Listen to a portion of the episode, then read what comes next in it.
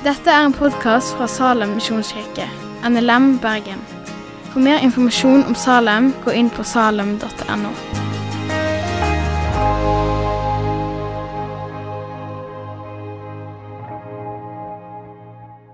Hallo, alle sammen. Veldig kjekt å se dere igjen. Jeg eh, har gleda meg til i dag å snakke om mann. Så når vi satte opp temaet 'mann' i Bibelen, så satt vi veldig lenge på kontoret og tenkte hvem skal tale om det. Vi trenger en som er helt superbra forbilde, som kan alt dette med å være mann, som er liksom kanskje den uh, fyren som har liksom mest peiling, og som alle ser opp til. alt sånne ting. Og På kontoret mitt så henger det et speil. da. Jeg bare tuller. Jeg eh, er bare satt opp her fordi at jeg jobber her. Denne talen her eh, står ikke alene i det hele tatt. Forrige lørdag så snakket jeg om det å være kvinne, eller hva Bibelen sier om det å være kvinne. Og Hvis du hører denne talen i dag og ikke hørte forrige lørdag, så eh, går det ikke an eh, å si til meg etterpå at eh, det du sa, er bare halvveis rett. For du er nødt til å ha hele bildet. Du er nødt til å høre den forrige lørdag. Den ligger ute på podkasten vår, så det er fullt mulig å få med seg. Så, så er det sagt, sånn at jeg ikke skal gjenta meg sjøl. Men denne talen står sammen med en annen. Det er veldig viktig å si. Det er, hvis ikke blir det veldig ensidig. Men vi skal begynne med å lese en tekst som, eh, står, eh, som handler om Jesus, som står i Johannes kapittel 13. Jeg leser vers 4 og 5, og så 12 til 17. Da reiser han seg fra måltidet, altså Jesus. Legger av seg kappen, tar et linklede og binder det om seg. Så heller han vann i et fat og begynner å vaske. Vasker disiplenes føtter og tørke dem med linkledet som han har rundt livet. Da han hadde vasket føttene deres og tatt på seg kappen, tok han plass ved bordet igjen. Så sa han til dem, 'Forstår dere hva jeg har gjort for dere?' Dere kaller meg mester og herre. Og dere gjør det med rette, for jeg, jeg er det. Når jeg, som er Herren og Mesteren, har vasket deres føtter, da skylder også dere å vaske hverandres føtter. Jeg har gitt dere et forbilde. Slik jeg har gjort mot dere, skal også dere gjøre. Sannelig, sannelig, jeg sier dere, tjeneren er ikke større enn Herren sin, og utsendingen er ikke større enn Han som har sendt han. Nå vet dere dette. Og salig er dere så langt dere også gjør det. Herre Far, kjære Jesus, takk for at du er til stede her. Helligånd, jeg ber om at du går i benkeradene, eh, åpner, åpner hjertedøren til folk, pirker borti ting og vise dem at dette ordet er levende, at du vil nå inn til mennesker. Jesus. Det ber vi om i ditt navn. Amen. Hva vil det si å være en mann? Vi har eh, ganske mange svar på det. Eh, jeg er sikker på at jeg kunne spurt hver enkelt her og har fått et forskjellige svar. Dust, idiot, tosk, latsabb eh, osv. Men et og mann hører du veldig ofte i én setning. Eller veldig ofte. Jeg snakker for meg selv. Slutt å grine, vær en mann. Slutt å grine, vær en mann. Er det egentlig en kristen måte å tenke om mannen på? Eh, korteste verset i Bibelen Jesus gråt. Ok, Jesus var mann. Vil det si at han på en måte ikke var mandig? Og, og når du sier 'vær mann', hva, hva, legger du egentlig i det? Skal jeg være eh, 007? En sånn litt uh, stilig, men tøff, litt smooth uh, womanizer? Eller skal jeg være en sånn fotballpub-dude som drikker en sixpack hver kveld og spytter og snakker fotball? Eller skal jeg være en gatebilmann som skrur på bil og råner og står vindu til vindu og prater bil og siste sladder og 'Hørte du misjonslandet var Vest-Afrika', eller? Eller eh, skal jeg være eh, Trump? Eller skal jeg være en sånn Trump, som de sier? Trump? Eh, mogul, eh, dresskledd, maktsyk, sånn eh, 'jeg har absolutt alt'-holdning.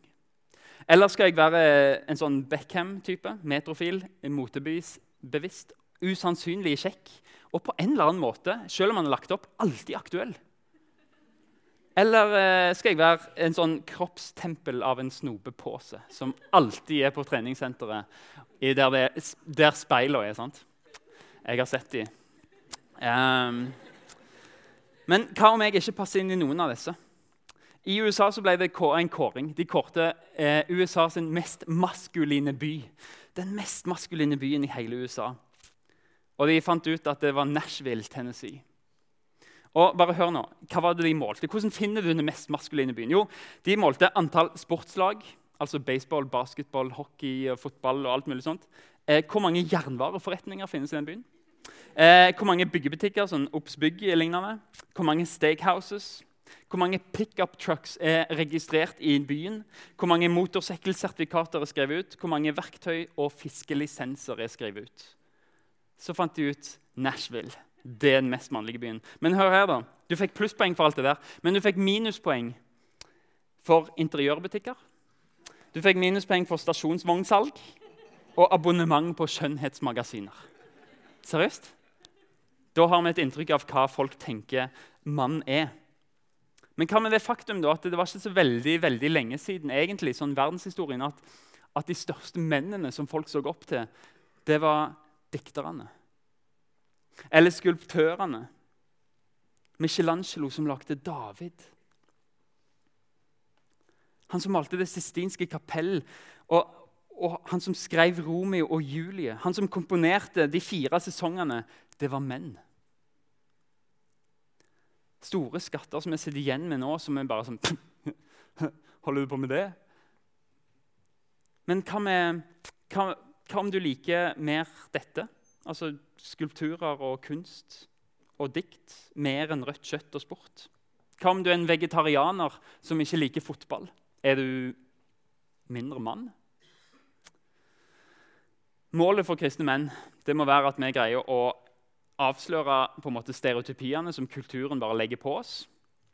Eh, og så holde fast på hva det Bibelen viser oss at det vil være å være en mann.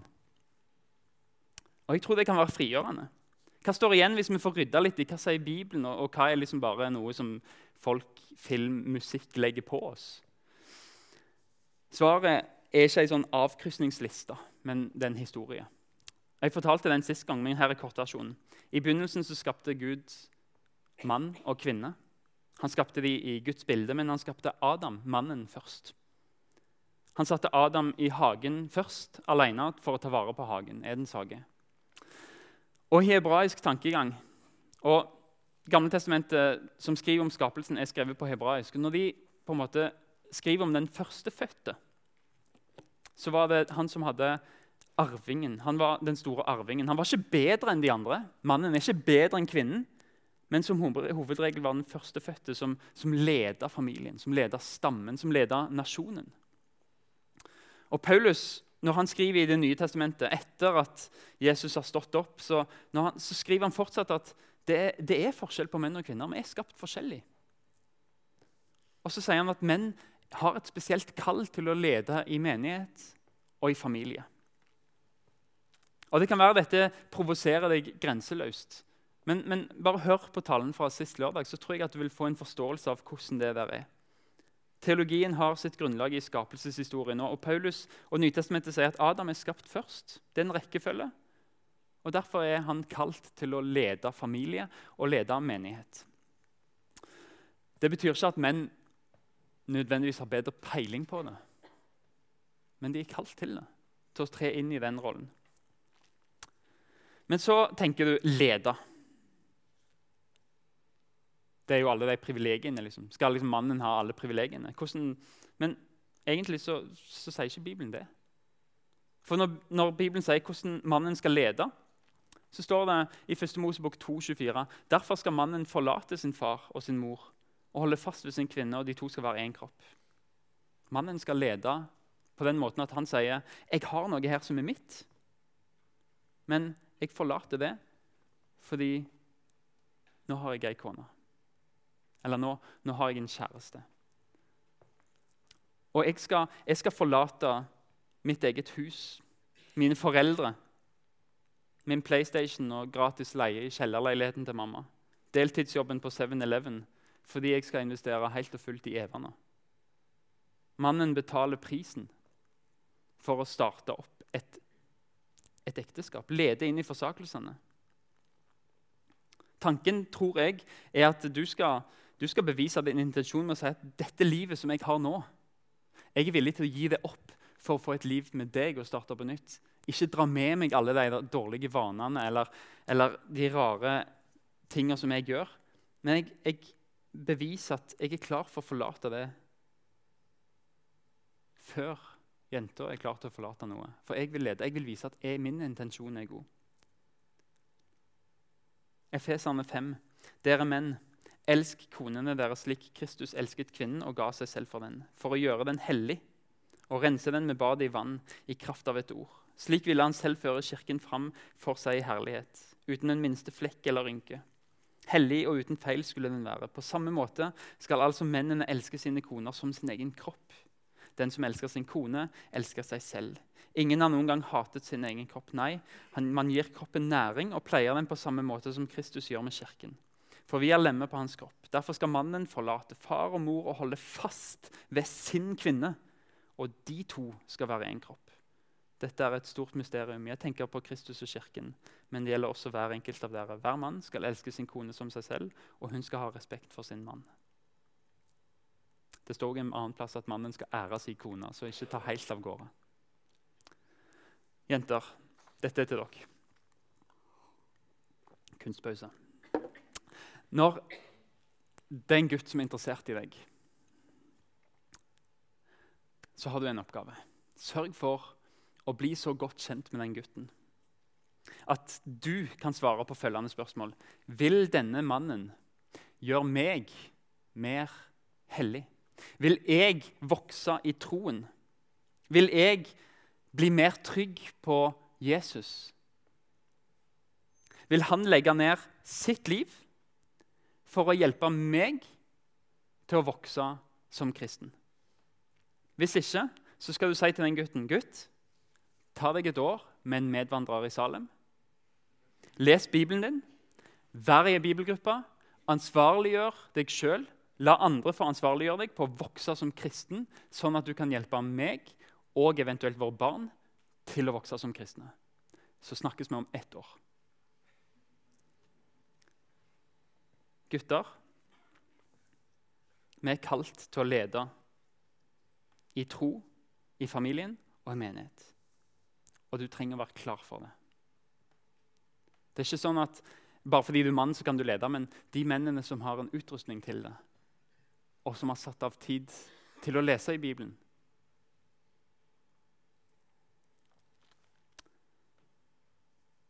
Finn deg en medvandrer i Salem. Vi har tilbud. Du kan skrive deg opp nede på infostedet der. Hvis du har lyst til en som hjelper deg å se ut hvordan kan det se ut å lede en familie i troen. Vi har voksne menn i Salem som er klare til å følge opp ungdommer eller unge voksne som dere. Til å vise dem hvordan ser det ut å leve som kristen mann. Finn deg ei bibelgruppe der dere sammen deler hvordan kan vi gjøre dette.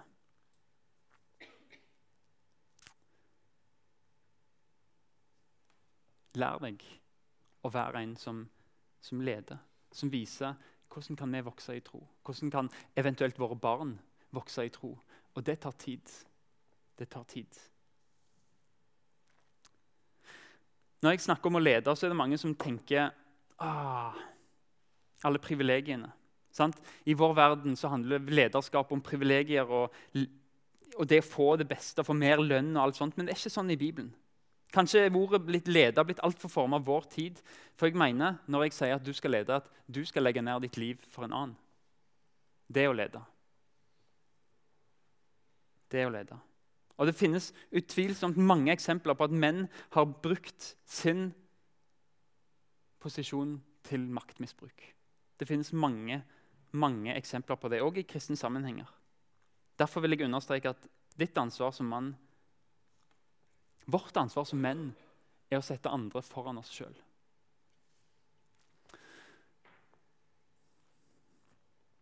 Det handler om tjenerskap. Sånn som vi leste helt i starten. Jesus som er leder, som er herre, og så vasker han disiplene sine føtter. Jesus, når han leda disiplene sine Han omdefinerte lederskap. Det handler om å tjene, sier han. Han viste i en syndfri verden Når mennesker møter hverandre og, og diskutere og slåss og konflikter, så viste han at det går an å lede uten å være giftig. Det går an å elske, det går an å tjene andre, selv om en ikke er helt like, selv om det er forskjellig kjønn. Og Her er det noe vi lengter etter, tror jeg. Lederskap som tjener. Menn som tjener. Menn som bruker all makt for å tjene det neste. Bibelen gir oss ikke noen lister av hva menn skal gjøre. Det gir oss ikke et kart som sier 'gå hit, gå hit, gå hit'. gå hit. Det gir ingen steg som sier 'gjør dette, gjør dette, gjør dette'. gjør dette. Bibelen viser oss en person. De viser oss Jesus, og så sier Bibelen 'følg dette'. Det er et kompass som peker på Jesus, og som viser oss den veien han gikk. Vaske andre sine bein, legge ned sitt liv for andre. Og det er noe du som er mann, uansett om du blir sett på som feminin, uansett om du blir sett på som metrofil, uansett om du blir sett på som maskulin, uansett om du er rar eller kul, eller om du er sjenert, om du er introvert eller ekstrovert Uansett hva mann du er, så er det én ting som alle menn kan ha felles, og det er et mål om å bli mer lik Jesus. Uansett om du er syk, om du har en diagnose, eller om du er helt frisk.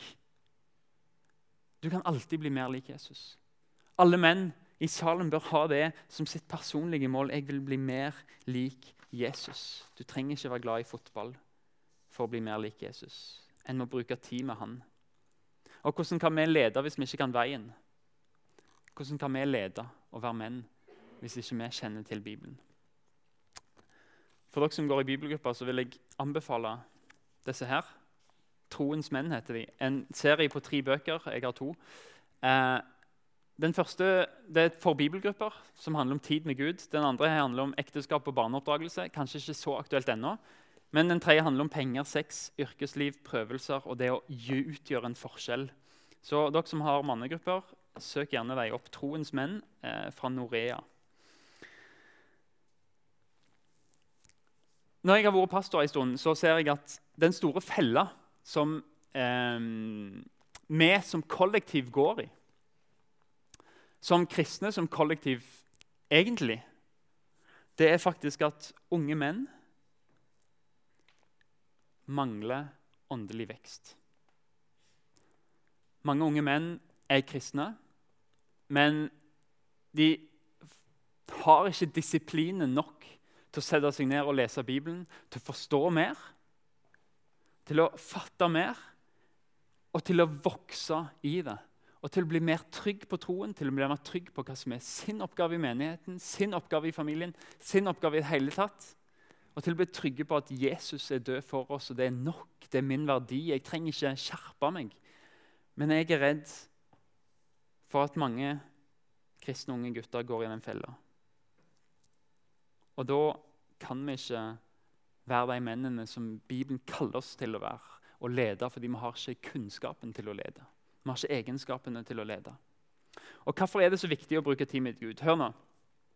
Steve Farrer, en amerikansk forsker, han intervjua 200 pastorer som hadde vært utro med noen kvinner i menigheten. Okay, det er ikke noe vi heier på, men han intervjua dem. Og han analyserte funn. Og han fant ut at i løpet av de tolv siste månedene før utroskapet så hadde absolutt alle pastorene slutta å bruke sin stille tid med Gud. Fordi Guds ord er virksomt. Den skaper noe i oss. Når vi leser om Guds kjærlighet, så skaper det kjærlighet i oss. Når vi leser om Guds trofasthet, så skaper det trofasthet i oss. Når vi leser om Guds tjenerskap, så skaper det en villighet til å tjene hos oss. En manns tid med Gud det har så mye å si. Nå og for framtida. Med et lett bytte uten Guds ord. Les Salme 119, 9-11. Hvordan holder den unge stien sin ren ved å ta vare på dine ord? Jeg søker deg av hele mitt hjerte. La meg ikke gå meg vill bort fra dine bud. Jeg gjemmer ditt ord i hjertet, så jeg ikke skal synde mot deg. Guds ord er virksomt i den som tror.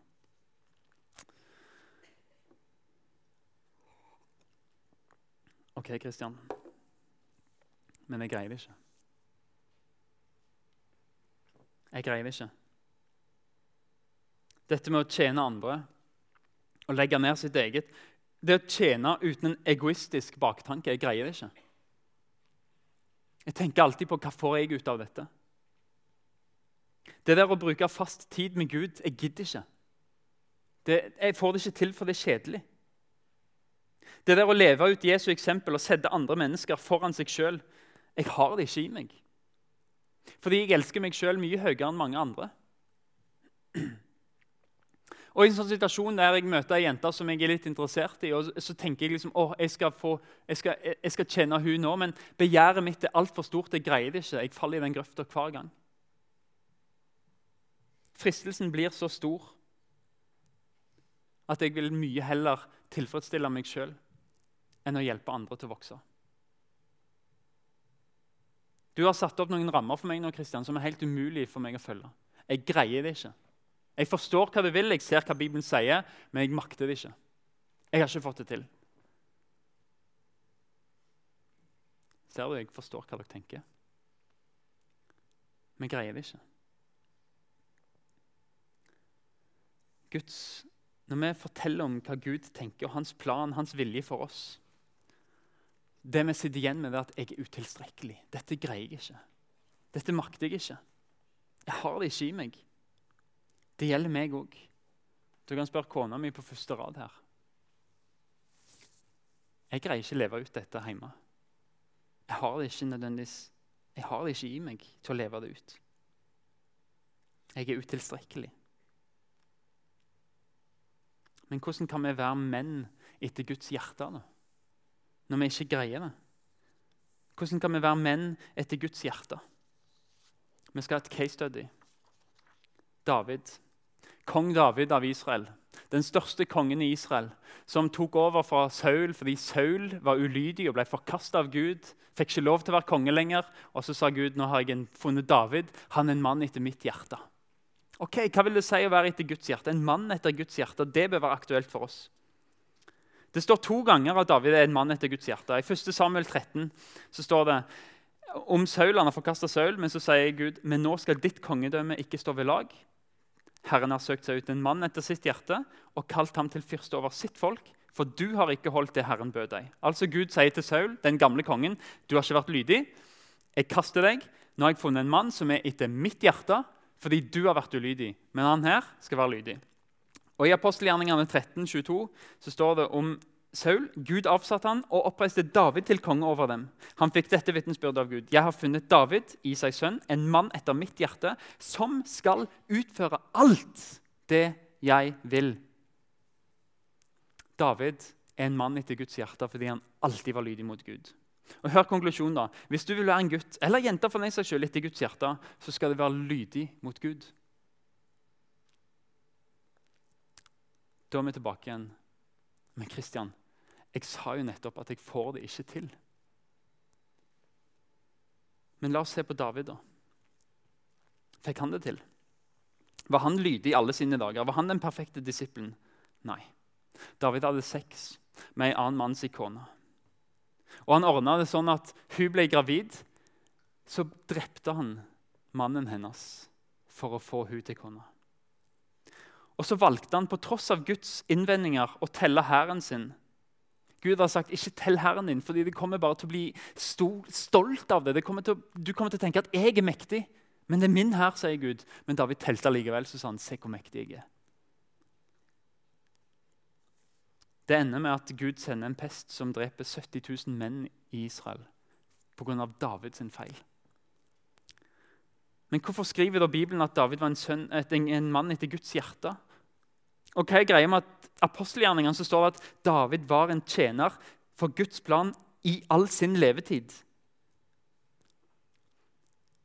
Han var jo ikke en tjener for Gud når han lå med hun kona til han som han drepte.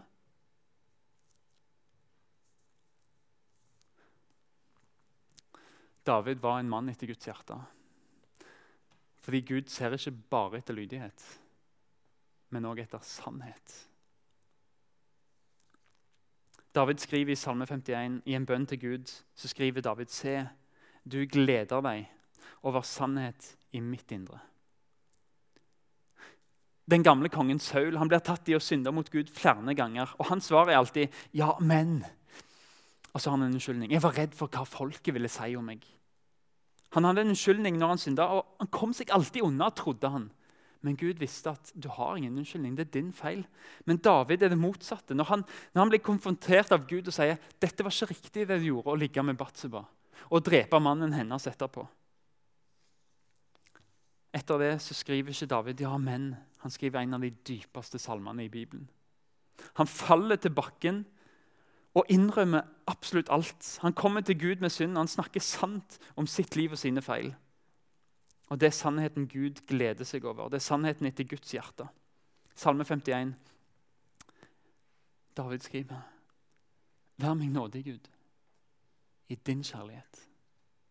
Stryk ut mitt lovbrudd i din store barmhjertighet. Vask meg rein for skyld, og rens meg for min synd. For mine lovbrudd, de kjenner jeg, og min synd står alltid foran meg. Mot deg alene har jeg synda. Det som er vondt i dine øyne, har jeg gjort. Derfor er, har du rett når du taler. Du er ren når du feller dom. Ja, med skyld ble jeg født, og med synd ble jeg til i mors liv. Se, du gleder deg over sannhet i mitt indre. Altså den sannheten jeg nettopp har sagt om meg sjøl. Du lærer meg visdom i det skylde. Ta bort min synd med isopp så jeg blir ren. Vask meg, så jeg blir hvitere enn snø. Når David sier 'ta min synd bort med isopp' Det ordet isopp det er egentlig nært knytta til blod, offerblod. Så David sier egentlig at 'send et offer som kan dø for mine synder', sånn at jeg blir ren. Og David ber denne bønnen 'tilgi meg, Gud', og Gud er trofast. Det står i Bibelen at Når vi bekjenner våre synder, så er Gud trofast og rettferdig, så han tilgir oss alle våre synder. Og det er i møte med David vi får se som menn hvor grenseløs er Guds nåde. David kommer til Gud med sin synd, og Gud tilgir. Og David skriver en lovsang om dette. Og David skriver i Salme 103.: Barmhjertig og nådig er Herren, sen til vrede, men rik på miskunn. Han anklager ikke for alltid og ikke for evig ham. Han gjør ikke gjengjeld for våre synder. Han lønner oss ikke etter vår skyld. Så høy som himmelen er over jorda, så veldig er hans miskunn mot den som frykter han. Så langt som øst er fra vest, tar han syndene våre bort fra oss. Så grenseløs er Guds nåde at David står og lovsynger til tross for alle de feilene han har gjort og blitt konfrontert mot det, men er blitt tilgitt. Gud glemmer det han tilgir. Det står i Hebreerne 10 Gud sier, 'Jeg vil ikke lenger huske syndene'. Jeg vil ikke lenger huske syndene deres og all deres urett, fordi jeg har tilgitt dem. Når Gud sier jeg har tilgitt deg, så sier han jeg kommer ikke til å holde det mot deg. Fordi jeg har strøket det ut. Jeg husker det ikke lenger. Det er derfor vi trenger Guds tilgivelse. Gud husker ikke synden til David når han har tilgitt dem. Derfor. Selv med alle sine feil. Selv fordi David var utro, fordi han var en morder, og fordi han var ansvarlig for 70 000 drepte menn. Gud, tilgi, Gud tilga David. Og derfor så blir han stående i Guds historie, i denne historien, som beskrives som en mann etter Guds hjerte. Fordi det var et offer, et, et dyr som døde. Og blodet, når det rant, så sa Gud det er for Davids synder. Det er nåde. Og du som ikke fikser det der å være en mann etter Guds hjerte, du som ikke greier å være den lederen, alltid bruker tid med Gud sånn som vi burde for å bli forvandla til å bli menn som som ligner på Jesus. Vi som ikke alltid greier å legge ned vårt liv for å tjene andre. Vi som ikke alltid greier å vaske andres føtter fordi vi er så stolte over den posisjonen vi selv har fått. Du òg kan stå i Guds historie som en mann etter Guds hjerte. Hvis du kommer til Jesus med din synd og skam, så vil han tilgi deg herifra og til månen, som David skriver. Fra øst til vest. Han vil slette dine synder så grundig at han glemmer dem, fordi han er nådig og barmhjertig.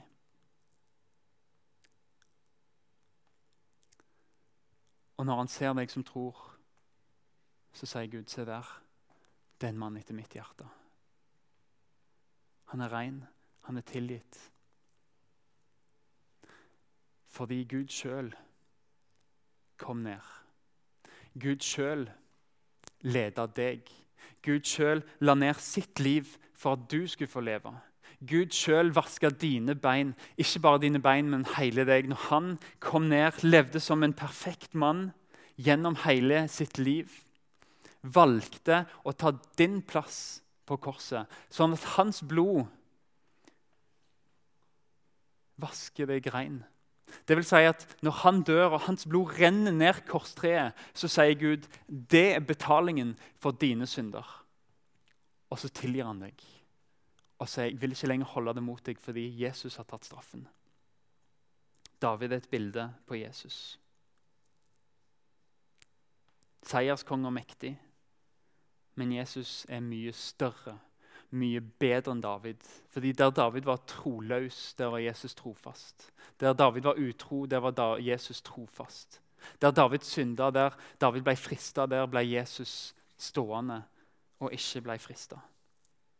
Han er trofast mot den han elsker, nådig mot den som ber om tilgivelse, kjærlig mot sine fiender og oppsøkende mot de som ikke kjenner han. Jesus er større og bedre enn David. Jesus er den feilfrie kongen som legger ned sitt liv og tar vår død. Og så er han den førstefødte, som er arvingen, og som har rett på å være Guds barn. Og så bytter han plass med oss. Så blir vi Guds barn, og så tar han straffen for alt det vi ikke makter. Det er en mann en Gud som jeg vil følge. Det er en sannhet jeg vil følge meg med. Den sannheten får meg til å ha en ny identitet som tilgitt, som ren, som godkjent.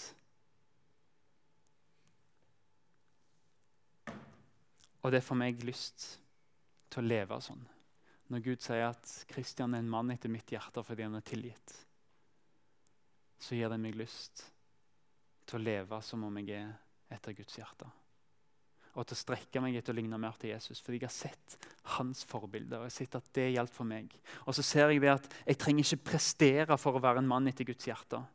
Men jeg er en mann etter Guds hjerte fordi Jesus har tilgitt meg. Og det er kraften til å gå ut og tjene andre. Til å gå ut og løfte andre foran seg sjøl. Det er friheten. Du er en mann etter Guds hjerte når du tror og vi er fri til å handle etter det. Herre Far, takk for at din nåde og din barmhjertighet er større enn noen kan fatte. Du er barmhjertig og nådig. Du er sein til vrede, du er rik på miskunn. Du anklager ikke oss for alltid, du er ikke for evig harm. Du gjør ikke gjengjeld mot våre synder, og du lønner oss ikke etter vår skyld. Jesus, takk for din nåde, så høy som himmelen er over jorda, så veldig er din nåde over den som tror deg. Så langt som øst er fra vest, tar du våre synder bort fra oss. Takk, Jesus, for at du gjør oss til menn og kvinner etter ditt hjerte. Lær oss å leve etter det, og la det òg få være din kraft som utruster oss til Jesus. I Jesu navn. Amen. Takk for at du har hørt på podkasten fra Salem, Bergen. I Salem vil vi vinne, bevare, utruste og sende. Til Guds ære.